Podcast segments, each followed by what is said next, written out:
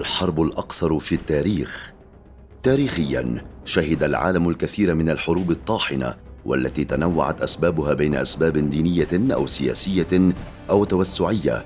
وهذه الحرب كانت مدتها تتراوح بين الطويلة جدا والقصيرة جدا. فمثلا هناك حرب استمرت لمدة أربعين دقيقة فقط. نعم كما سمعت أربعون دقيقة. الحرب الإنجليزية الزنجبارية. في الرابع من تشرين الثاني عام 1890 أعلنت بريطانيا أن سلطنة زنجبار الإفريقية تنزانيا حاليا مستعمرة تابعة لها وهذا الأمر أتى بعد توقيع اتفاقية بينها وبين ألمانيا في ذات العام. هذه المعاهدة رسمت خريطة لمناطق النفوذ بين القوى المسيطرة على القارة السمراء فتم التنازل عن زنجبار لمصلحة البريطان وهنا بدأت المشكلة. فبعد وفاة السلطان الزنجباري حمد بن ثوين البوسعيد والذي كان مواليا لبريطانيا تسلم العرش الأمير خالد بن برغش معلنا نفسه سلطانا على الجزيرة ورفض الاعتراف بالسلطان الذي كانت بريطانيا تنوي تنصيبه والذي كان من المفترض أن يرعى مصالحها في المنطقة.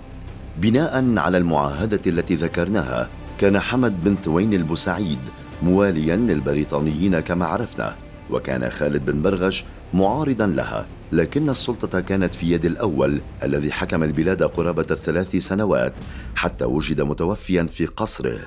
هنا بدأت الشكوك تحوم حول ابن عمه خالد بن برغش خاصة بعد تجاهله مسبقا في قضية استلام الحكم خلفا لوالده السلطان الذي كان قبل ثويني واتهم بتسميمه.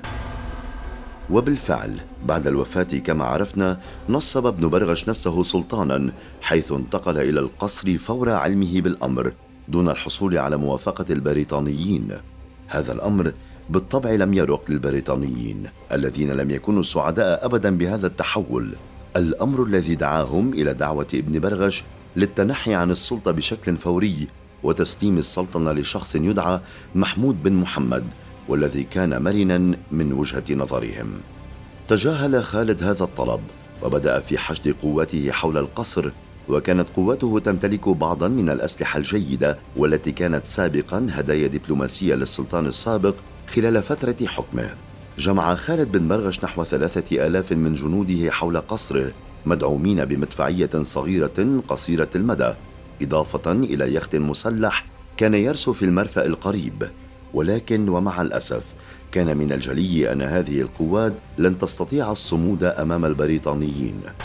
فكان في الجهة المقابلة 400 جندي من الموالين للبريطان فرقة من المشاة البحرية البريطانية إضافة إلى خمسة سفن تابعة للقوات البحرية البريطانية في الميناء.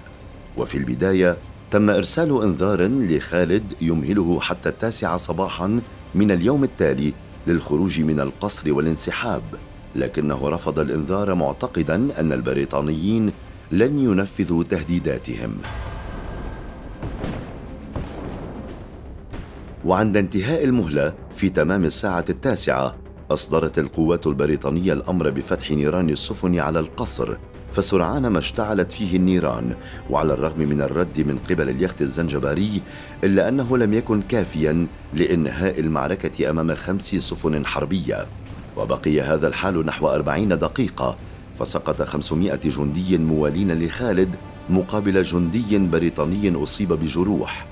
وسرعان ما سيطر البريطانيون على الجزيرة بأكملها وهذا بعدما استسلمت قوات خالد بن برغش لتنتهي بهذا الحرب التي استمرت أربعين دقيقة. بعد الحرب نصبت بريطانيا سلطانها حمود وحكم لمدة ست سنوات. أما السلطان الهارب فقد تمكن من الفرار مع مجموعة صغيرة من الموالين له إلى القنصلية الألمانية وهرب إلى تنزانيا بعدها. لكن لسوء حظه غزت بريطانيا شرق إفريقيا وألقت القبض عليه ونفته إلى جزيرة سانت هيلانا حتى سمح له بالعودة إلى شرق إفريقيا وتوفي هناك عام 1927 أربعون دقيقة. يمكن أن تغير خريطة بكاملها أو تسقط حكما في بلد ما.